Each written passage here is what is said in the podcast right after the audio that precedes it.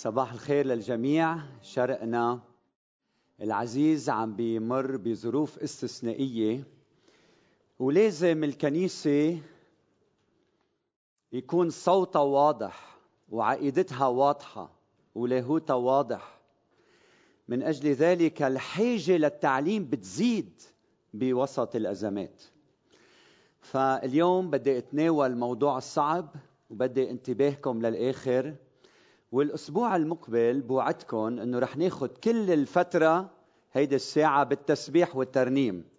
فهيدا وعد مني لكم لكن اليوم الفترة كلها رح تكون لنسمع لكلمة الرب ونتعلم مع بعضنا البعض. فقراءتي من سفر التثنية الفصل السابع رح أبدأ القراءة من العدد الأول والثاني. العدد الأول وبعدين بقرأ العدد الثاني بعدين بنروح ليشوع الفصل السادس والعدد 21 فتثنية سبعة واحد واثنين. ومتى أتى بك الرب إلهك إلى الأرض التي أنت داخل إليها لتمتلكها؟ وطردت شعوبا كثيرة من أمامك وبسميهم الحثيين والجرجاشيين والأموريين والكنعانيين. إلى آخره سبع شعوب أكثر وأعظم منك.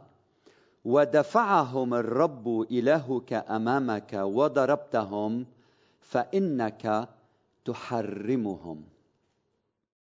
لا تقطع لهم عهدا ولا تشفق عليهم. يعني ما ترحمهم ما ترحمهم وبعدين وهيدا يلي عمله يشوع لما دخل إلى مدينة أريحة فصنع كما هو مكتوب في سفر التثنية.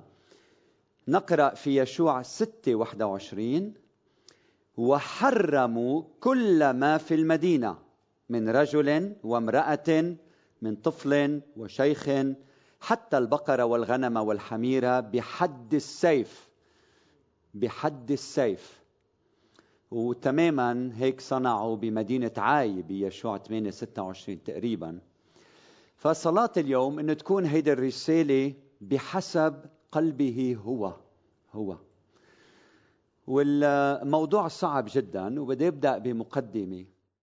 وبدي إنه أنتم أحشاء القديسين كونوا عم تسمعوا لهالرسالة وتفكروا فيها بعمق لأنه هالكلمة عم تنقال بوسط الكنيسة. من هيك بهمني القديسين والقديسات بيناتنا يسمعوا لروح الرب هو عم يحكي من خلال هذه الكلمة. فبدي أبدأ بالمقدمة. أمامنا اليوم نص صعب مزعج نص تشمئز له النفوس قتل الأطفال والأبرياء والرضع والنساء. شو بنعمل بنصوص مثل هيدي بالكتاب المقدس؟ شو بنعمل فيها؟ ففي عدة مقاربات بعض الكنائس شو بتعمل؟ بتتجنب هيدي النصوص وبتتجاهلها وبتختار لنفوسها نصوص تتلائم مع مفاهيمها نصوص اللي بتشجعها وبتعزيها وبتقويها وبتفرح قلبها وبتعطيها شعور جيد. أو البعض بيفصل العهد القديم عن العهد الجديد بيقول لك العهد القديم في إله الدموي عنيف بحب القتل أما إله العهد الجديد إله المحبة والغفران واللطف. فبينسوا العهد القديم بيركزوا على العهد الجديد. وهيدا خطأ كبير لأنه إله العهد القديم وإله العهد الجديد هو إله واحد. فإما بنتعامل مع كل الكتاب المقدس مع الأخذ بعين الاعتبار أنه ذروة الإعلان بشخص الرب يسوع المسيح في العهد الجديد وإلا بنحط كل الكتاب على جنب. ما فينا نجزئه مثل ما نحن بدنا. ولما بنتعامل مع الكتاب المقدس في بعض النصوص بتخترق قلوبنا مثل الخنجر. بعض النصوص صعبة للفهم. أتصارع معها ورح أبقى يمكن أتصارع معها. تحس حالك كتير صغير قدامها. هيدي النصوص صعبة لنفهمها. لازم لازم نحن ككنيسة نتصارع معها ونفكر فيها. وإذا أنت بدك نصوص على مزاجك أنت بالكنيسة الغلط. هو حامل الكتاب الغلط. لأنه مش دايما الكتاب بيحكي على مزاجنا صح؟ هلأ البعض الآخر بياخد هيدي النصوص الصعبة وبيروحنها. بيقول لك الكلام عن الكنيسة والحرب الروحية مع الأجناد الروحية القوى الشريرة الروحية. المشكلة أنه كاتب اللي كاتب العهد القديم والكتاب ما قصد بهذا الحدث اللي قريته عليكم حرب روحية من هيك بدنا نحترم كمان قصد الكاتب لما كتب. هلا البعض الآخر شو بيعمل؟ يبرر العنف. انتبهوا يلي قام فيه شعب الله بالقديم بالقول إنه الكنعانيين كان شعب شرير دموي كانوا يقدموا أولادهم ذبائح للآلهة. فيجب أن يبادوا من الأرض. فمثل ما الله عاقب بالماضي من خلال الطوفان من خلال النار والكبريت في سدوم وعمورة الله هنا عم يختار شعب حتى يبيد شعب وثني شرير عم بيحرموا بواسطة شعب الله. هيك طلب الله أو هيك هن فهموا أنه هيك الله طلب منهم. عندنا كثير من المشاكل لما نحكي بهيدا الأسلوب. ليش؟ لأنه من جهة ما بيقول يشوع أنه فايت لحتى يقتل جماعة لأنه بيقدموا أولادهم ذبائح. مش هذا السبب. بعدين يعني إذا هن عم بيذبحوا أولادهم منفوت نحن ومنذبح لهم أولادهم باسم الله في شيء مش منطق بالكلام. بعدين إذا هن عم بيقدموا أولادهم هيك نحن بنعمل. إذا الكنعانيين أشرار ليش ربنا بيأمر بقتل الأطفال والنساء والبهائم؟ فبتقتل المظلوم مع الظالم. أهذا عدل؟ هل الغاية تبرر الوسيلة؟ هل طبيعة الله الصالحة بتأمر بالإبادة الجماعية؟ بواسطة شعب أصلا هو شرير. إذا بتدرس تاريخه هو شرير. أسئلة صعبة. أسئلة صعبة. انتبهوا يمكن ما رح أقدم لكم الأجوبة يلي بتتوقعوها. لكن بدي ساعد كنيستي بالقليلة.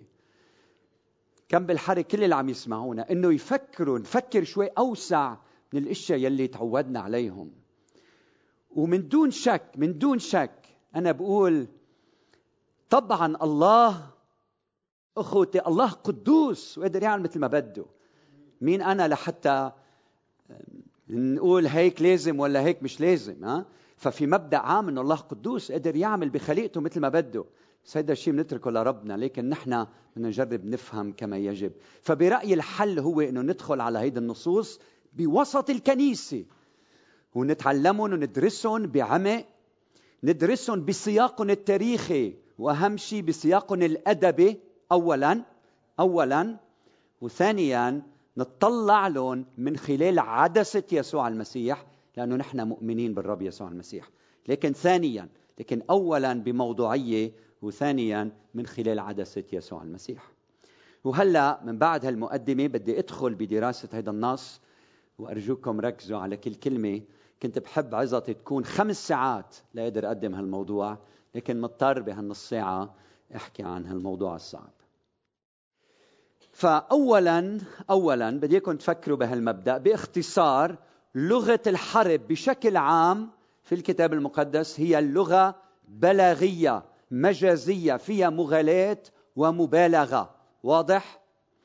يعني هيك كانوا يعبروا عن الانتصارات. حتى اليوم كنت من يومين عم بسمع الأخبار وبسمع حدا عم بيقول كابتن عم بيقول كيف فريق الباسكت ربح وبيستعمل هالعبارة يلي طنت بدينتي. قال كل العالم عم يحكوا بهالمباراة. كل العالم شايفين المغالاة المبالغة دايما بالانتصار في مبالغة. فلاحظوا ما جاء في تثنية السبعة والعدد اثنين. بقول ودفعهم الرب إلهك أمامك وضربتهم فإنك تحرمهم. يعني لا تبقي نفسا حية مثل ما عمل يشوع ولا تقطع لهم عهدا ولا تشفق عليهم. ما ترحمهم. شو عم بيقول؟ حرمهم ما تخلي حدا طيب. واضح؟ بالعدد الثالث بيقول ولا تصاهرهم ولا تعطي ابنتك لابنه ولا تأخذ ابنته لابنك. لاحظتوا شو في هون؟ إذا حرمتم يعني ما بيبقى نفس حية. مين رح يتزوجوا؟ مين رح يتزوجوا؟ رح يتزوجوا الأموات؟ معناتها الكلام في مبالغة لأنه من بعد عم بيقول لهم ما تصاهرهم ما تتزوجهم موجودين ما تتزوجهم. ها؟ فشايفين إنه في لغة مبالغة مغالاة يعني لما بيشوع 10 و11 بيقول حرم كل نفس وبتفكر أكثر من مرة كأنه ما بقي حدا. بعدين بتروح ليشوع 23 بقول يشوع للشعب ولكن العدد 12 ولكن إذا رجعتم ولصقتم ببقية هؤلاء الشعوب أولئك الباقين معكم وصاهرتموهم ودخلتم إليهم وهم إليكم. فاعلموا يقينا أن الرب إلهكم لا يعود يطرد أولئك الشعوب من أمامكم. فنحن ما منشك بمصداقية الكتاب لكن هيدي المغالاة المبالغة هي صيغة أدبية. كما لما مثلا بالعهد الجديد بيقول لك تمدس وخرجت كل المدينة إليه إلى يسوع. يعني كل المدينة كلهم كلهم يعني حتى حراس المدينة والكل. طبعا لا. فهيدي مبالغة لنحكي عن العدد الكبير. نفس الشيء لما بيقول لا تقطع لهم عهدا. منشوف يشوع شو عمل؟ بالفصل الثاني مباشرة عمل عهد مع رحاب الزانية. وبالفصل التاسع مع سكان جبعون. وبقضاة الفصل الأول بيت يوسف يلي هن آه، شعب إسرائيل بيقطعوا عهد مع عشيرة بكاملها. كانت تسكن مدينة بيت إيل. فإذا دل هيدا الشيء إذا دل على شيء دل على أنه الكلام في مغالاة ومبالغة واضحة لها أهدافها في الكتاب المقدس. هلا مش الوقت أحكي عنها. خصوصا لما كان الشعب بالسبي وبده يرجع وبده يحافظ على أمانته. لكن في مبالغة هيدا الشيء لازم أنتم تعرفوه بشكل جيد. رقم اثنين على ما يشدد سياق الكلام. إذا بدي أحكي شوي عن السياق. لاحظوا السياق. بالعدد خمسة وستة من تسنية سبعة حيث الحديث عن التحريم. بنسأل شو المقصود والغاية تحديدا بهذا السياق. بالعدد خمسة وستة بيقول ولكن هكذا تفعلون بهم. طب كيف بتحرمون؟ قال تهدمون مذابحهم تكسرون أنصابهم وتقطعون سواريهم وتحرقون تماثيلهم بالنار لأنك أنت شعب مقدس للرب إلهك. انتبهوا معي تركيز بهيدا النص أقله.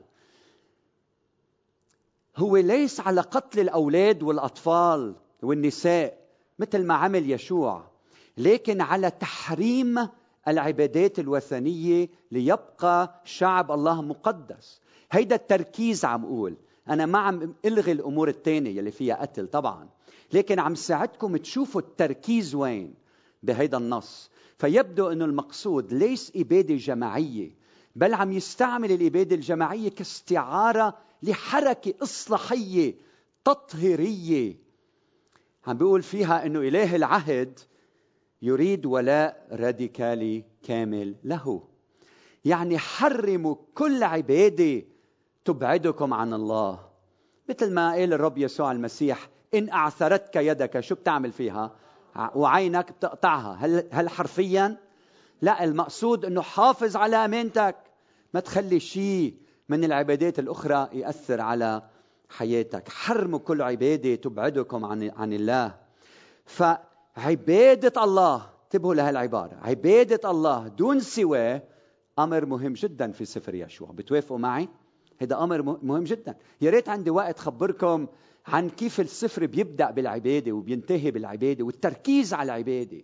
كيف إنه تابوت العهد 24 مرة يذكر أهمية تابوت العهد حضور الله بينهم.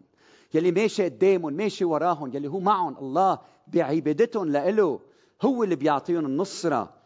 تصوروا بآخر سفر سفر يشوع 24 12 قال بذكر الشعب وبقول لهم وأرسلت قدامكم الزنابير وطردتهم من أمامكم. أي ملكي الأموريين لا بسيفك ولا بقوسك. يعني افهم إنه مش أنت أنا مش بسيفك مش بقوتك. من هيك المزمور 8 2 بيقول من أفواه الأطفال والرضع. أسست حمدا بسبب أضدادك لتسكيت عدو ومنتقم. فالتسبيح كان أداة الحرب تسبيح. فدراستنا للنص بتخدنا باتجاه آخر. في تشديد انتبهوا على تحريم العبادات الوثنية. ليه؟ لأنه للرب إلهك تسجد وإياه وحده تعبد. من دون ما إلغي دور وجود الحرب طبعا إن كان للدفاع ولا للهجوم وإذا هيدا الحرب لهم حق فيها ولا ما لهم حق فيها هذا موضوع ثاني وهلأ رقم ثلاثة لمحة حول بعض العلامات المهمة بالسفر، شو عم بعمل أنا؟ عم وسع عم نوسع آفاقنا، هلأ بدي أطلع شوي للسفر بشكل عام وما عندي وقت أكيد أدرسه كله بس بدي أعطيكم بعض الملامح وأمور يلي بتحس إنه ماشي بعكس السير. okay؟ فخليني بس أبدأ بهيدي الملاحظة. نصوص العهد القديم منا monologic monologic يعني منه المقصود فيها انها تكون مناجاه فردية أو قصص فردية أو حقائق فردية أو مشاهد فردية. فكانت القصة تنحط وينحط مقابلها قصة ثانية والهدف إنه وحدة تفسر وحدة أو يصير في توتر بين النصوص لحتى نقدر نتعلم ونفهم أكثر واحيانا نجرب نفهم قصد الله من الأمور.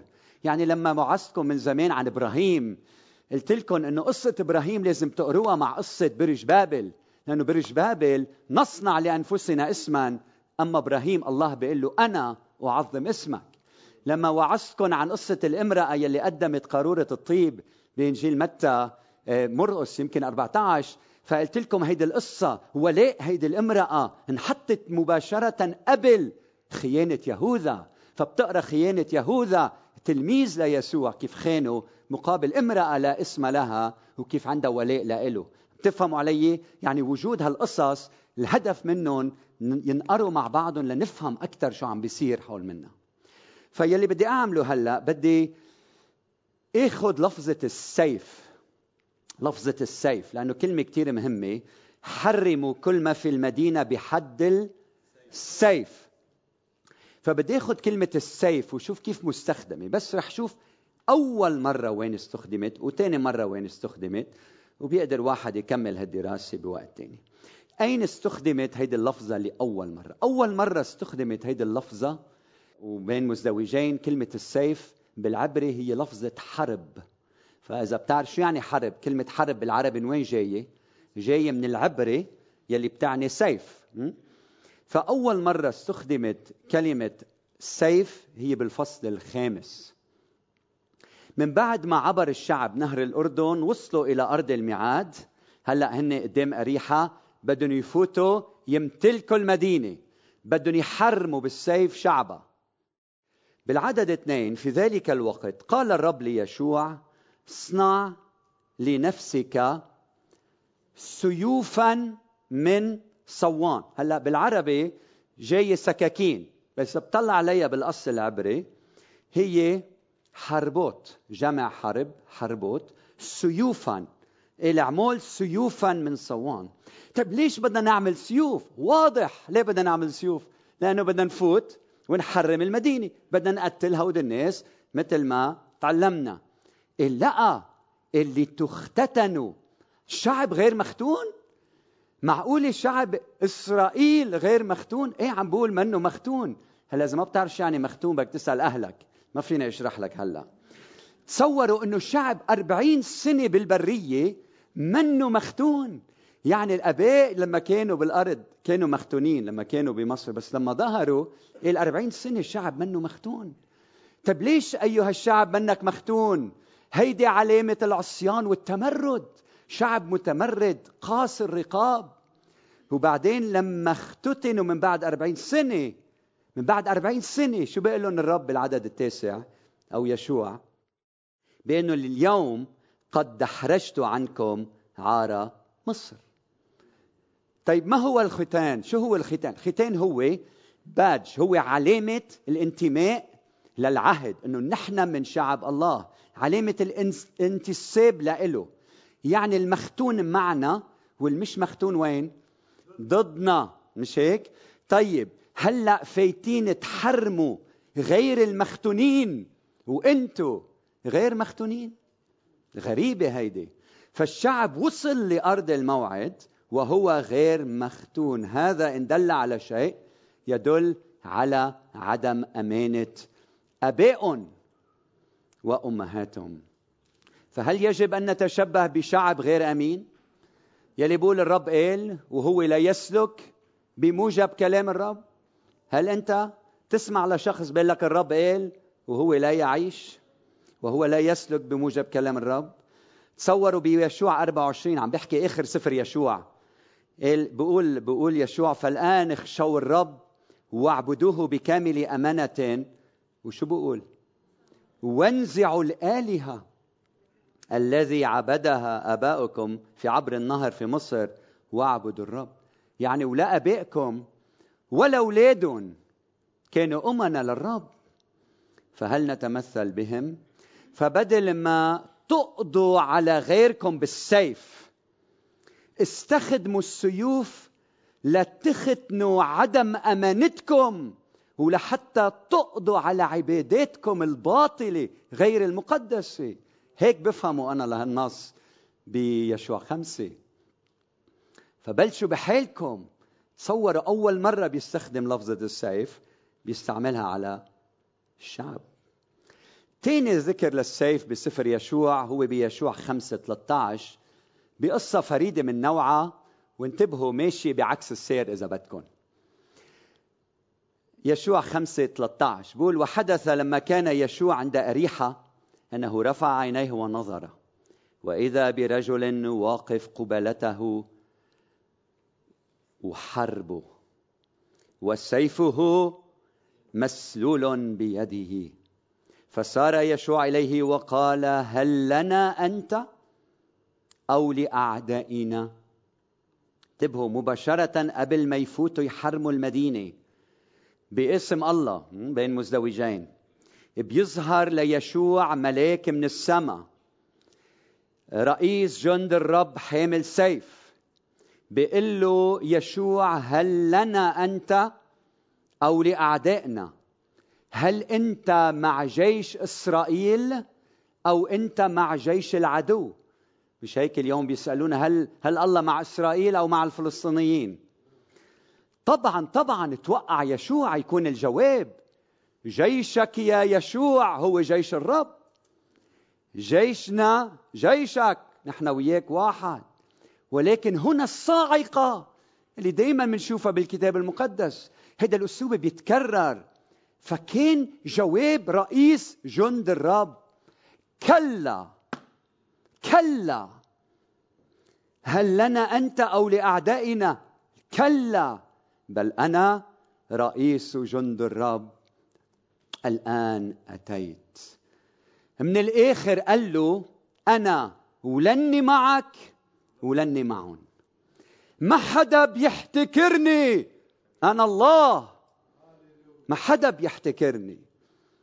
أنا إله غير انحيازي. غريبة هيدي القصة. المكتوبة بسفر يشوع قبل ما يفوتوا على هالأرض. فسقط يشوع على وجهه إلى الأرض وسجد. وقال له بماذا يكلم سيدي عبده؟ شو بدك تخبرني؟ شو بدك تقلي؟ أكيد بدك تقلي ادخل المدينة وجيش الرب معك وحرمها. كان الجواب قال له قال رئيس جند الرب ليشوع اخلع نعلك من رجليك واسجد. أن المكان الذي أنت واقف عليه هو مقدس ففعل يشوع كذلك. ففعل يشوع كذلك. وبينتهي المشهد يشوع في حالة سجود للرب. ساجد أمام إله غير انحيازي. ما بيصطف مع واحد ضد الآخر. وعلموا هيدا الدرس لكل شعوبنا بهالمنطقة. إنه إلهنا ما بينحاز لحدا. بطبيعتنا البشرية منقسم الناس إلى قسمين يلي معنا ويلي ضدنا المختون وغير المختون يلي بينتمي لحزبنا ويلي ما بينتمي لحزبنا حزبنا ودائما الله مع حزبنا. للأسف. ودائما بدنا نقاتل وبدنا ربنا إلى جانبنا.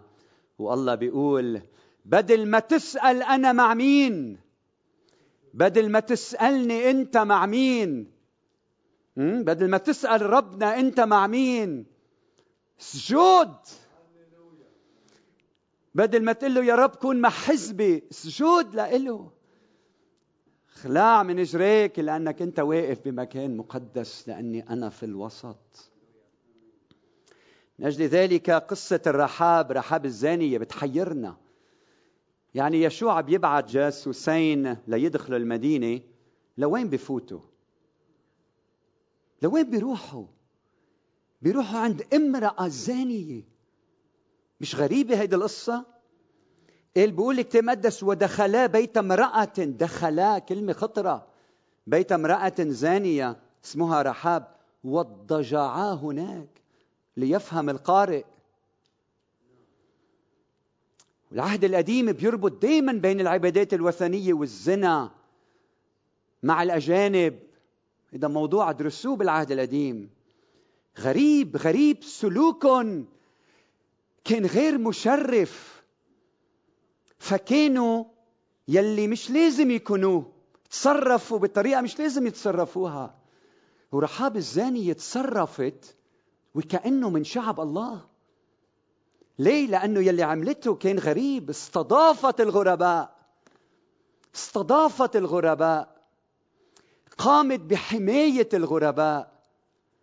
وأكثر من هيك بيشوع اثنين اللي بتقول سمعنا بأعمال الله العظيمة وبالعدد 11 بتقول ليكوا شو بتقول هاي المرأة الوثنية؟ بتقول لأن الرب إلهكم هو الله في السماء من فوق وعلى الأرض من تحت. هيدي مين بيقولها هاي؟ مين مطلوب يقولها هاي؟ شعب الله مش هيك؟ مش يعبد الوثن. وهيدي الامرأة الوثنية عم تحكي كلام كأنها يهودية حقيقية. عخان مات موت كنعانية يعني مش كل يهودي يهودي ومش كل كنعاني كنعاني. يعني الله مع مين؟ ما تحجموني. ما تخلونا الصف مع حدا ضد حدا. أنا إله غير انحيازي. ونقطع على السطر. بيكفي إنه نتعلم من هيدي النصوص. أول شيء إنه في لغة مجازية انتبهوا لها مهمة. خذوها بعين الاعتبار. واضح؟ أنا ما عم حل المشاكل كلها بالنص بس عم لكم في لغة مجازية. اثنين يلي بهم ربنا في الصميم هو تحريم العبادات الوثنية. ليه؟ لأنه بتدمر الإنسان. أنت مخلوق على صورته مش مخلوق على صورة الوثن. رقم ثلاثة الغلبة ليست بحد السيف بل بعيش حياة طرد الله. عمول معروف اختون عنك كل الأمور غير المقدسة بسيف الروح. ورقم أربعة إياك تجعل من الله إياك تجعل من الله إله حزبي ينحاز لجماعة ضد جماعة. في أمين؟ طيب عظيم. وهلأ لما شفت العهد القديم حابب أنه ننظر لهذه الأمور من خلال عدسة يسوع المسيح. جاهزين؟ أخوتي يسوع يختلف عن يشوع يشوع العهد الجديد غير يشوع العهد القديم مع احترام الاستمرارية الموجودة بين العهد القديم والعهد الجديد. لكن يسوع ما حدا مثله بالدنيا كلها. يسوع جاء ليصنع خيرا ويشفي جميع المتسلط عليهم إبليس. يسوع قصبة مردودة لا يقصف وفتيلة مدخنة لا يطفئ يسوع لما اجى لسور الصيدا استقبلته امرأة كنعانية تفهموا علي؟ شو بتعمل بالكنعانيين؟ حرمهم مش هيك؟ استقبلته امرأة كنعانية عم بتقول له شفاء علي وارحمني. لا تشفق عليهم. دخيلك ارحم لي بنتي. ليه؟ لأنه مسكونة بالأرواح الشريرة. فيسوع المسيح بمنطق العهد القديم بيقول لها ما بناخذ خبز البنين وبنطرحهم للكلاب.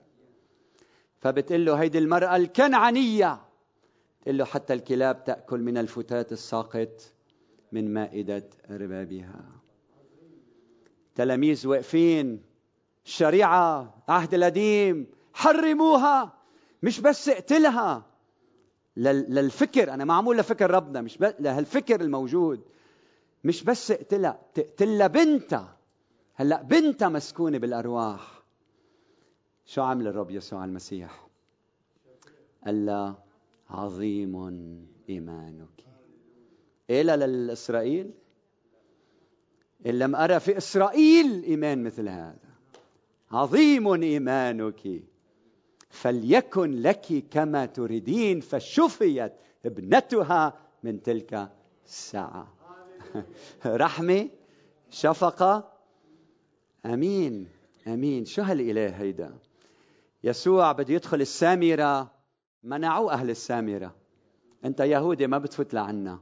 يعقوب ويوحنا ولو بيعرفوا الشريعة كلها وبيعرفوا الكتب الأنبياء فبيقولوا له ليسوع بدك نؤمر إنه تنزل نار من السماء والكلمة فتفنيهم. شوف بتثنية سبعة قديش في تفنيهم. قد حتى تفنيهم. فتفنيهم كما فعل إيليا أيضا. شو بقول الرب يسوع المسيح؟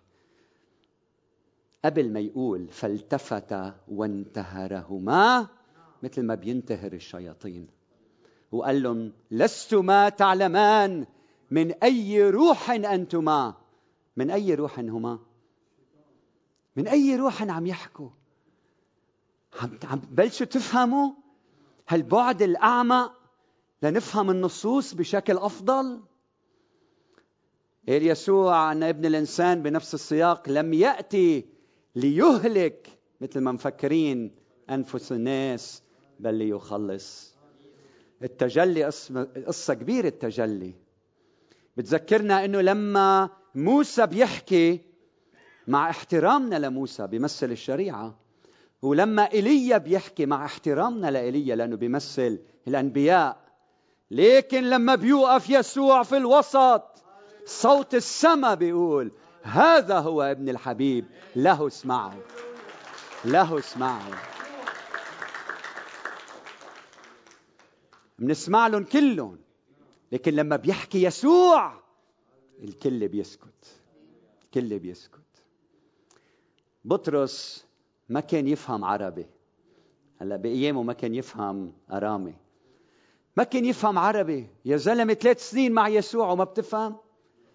تصوروا إنه محتاج لملاءة تنزل من السماء فيها كل أنواع الطيور والدبابات والوحوش و... وثلاث مرات صوت ربنا بيقول له ما طهره الله لا تنجسه أنت. لحتى خواجة بطرس يدخل إلى بيت شخص وثني اسمه كرنيليوس. قديش كان بده هالإنسان تيطلع من هالفكر المحجر هيدا ويفهم مشيئة الله.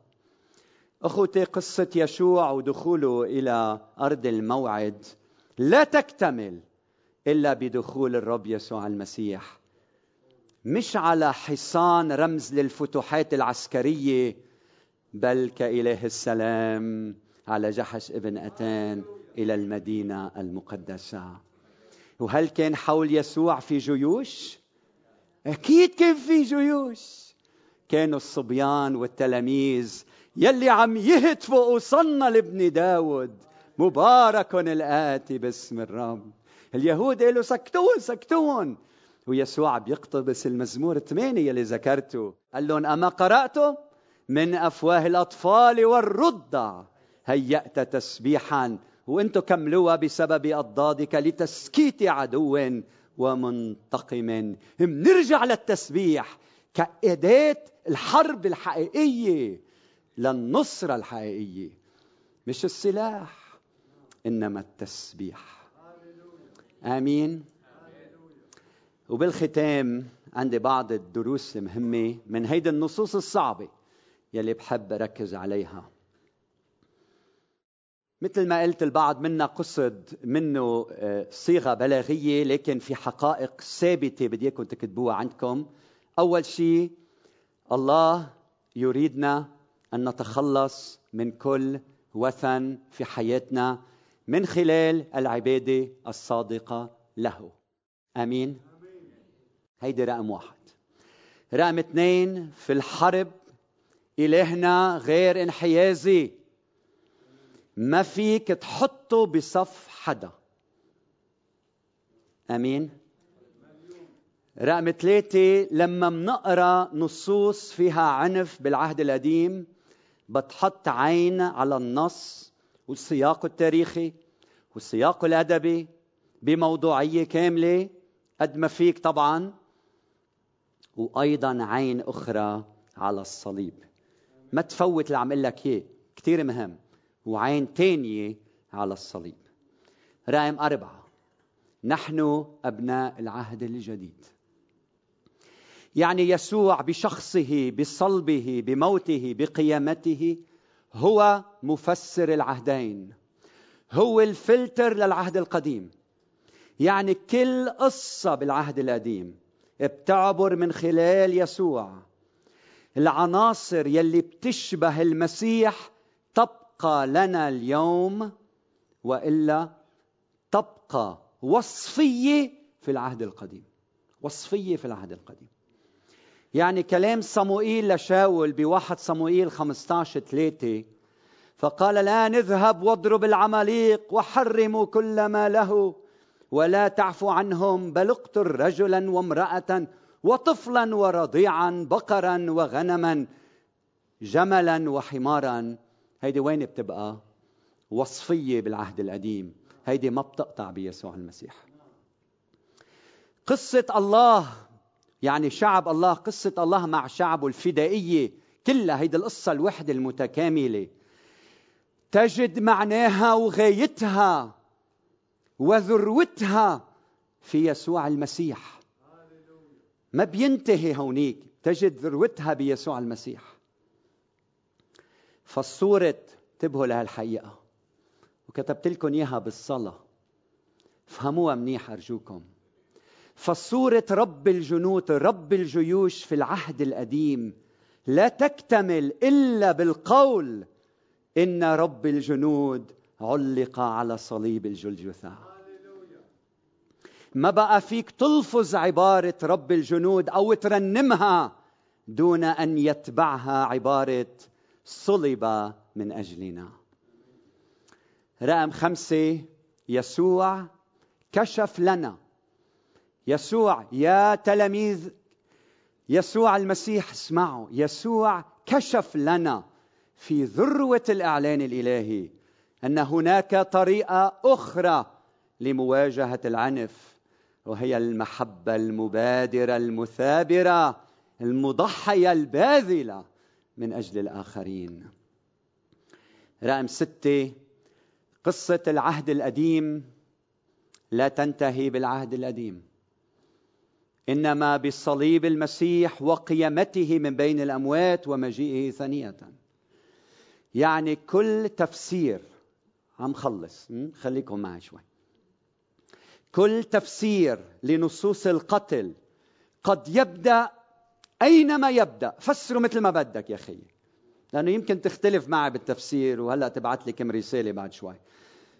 قد يبدأ أينما يبدأ لكن يجب أن ينتهي بحقيقة ثابتة لا تتزعزع.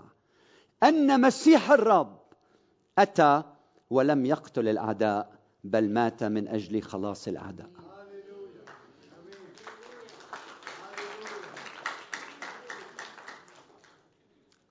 وأهم شيء تعرف إنه أنت اليوم وأنا اليوم نحن كنا الأعداء يلي لازم أن نحرم بيقول الرسول بولس أنه وإن كنا ونحن أعداء قد صلحنا مع الله بموت ابنه فبالأولى كثيرا ونحن مصالحون نخلص بحياته. نحن الأعداء. نحن الأعداء يلي ربنا رحمنا وشفق علينا. رقم سبعة وأخيرا بعد موت موسى قال له الرب ليشوع قم وادخل أرض الموعد وكل موضع تدوسه بطون أقدامكم لكم أعطيته. وكما كنت مع موسى انتبهوا لعبارة أكون معك أكون معك. وبعد موت يسوع مات موسى الرب حكي. من بعد موت يسوع قال الرب المقام للتلاميذ. اذهبوا إلى العالم أجمع واكرزوا بالإنجيل للخليقة كلها وها أنا معكم كل الأيام حتى انقضاء الدهر. فيقول يسوع اذهبوا إلى العالم واقتحموه بالمحبة والخدمة والخبر السار. شو هو الخبر السار؟ أن البطل الحقيقي أعطى ذاته على الصليب من أجلنا بدل ما يدبح الناس ويقتلهم وقام غالبا منتصرا.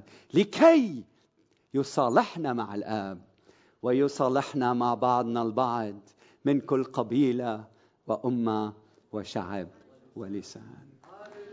ومن له ومن له أذنان للسمع فليسمع غمضوا عينيكم معي في الصلاة.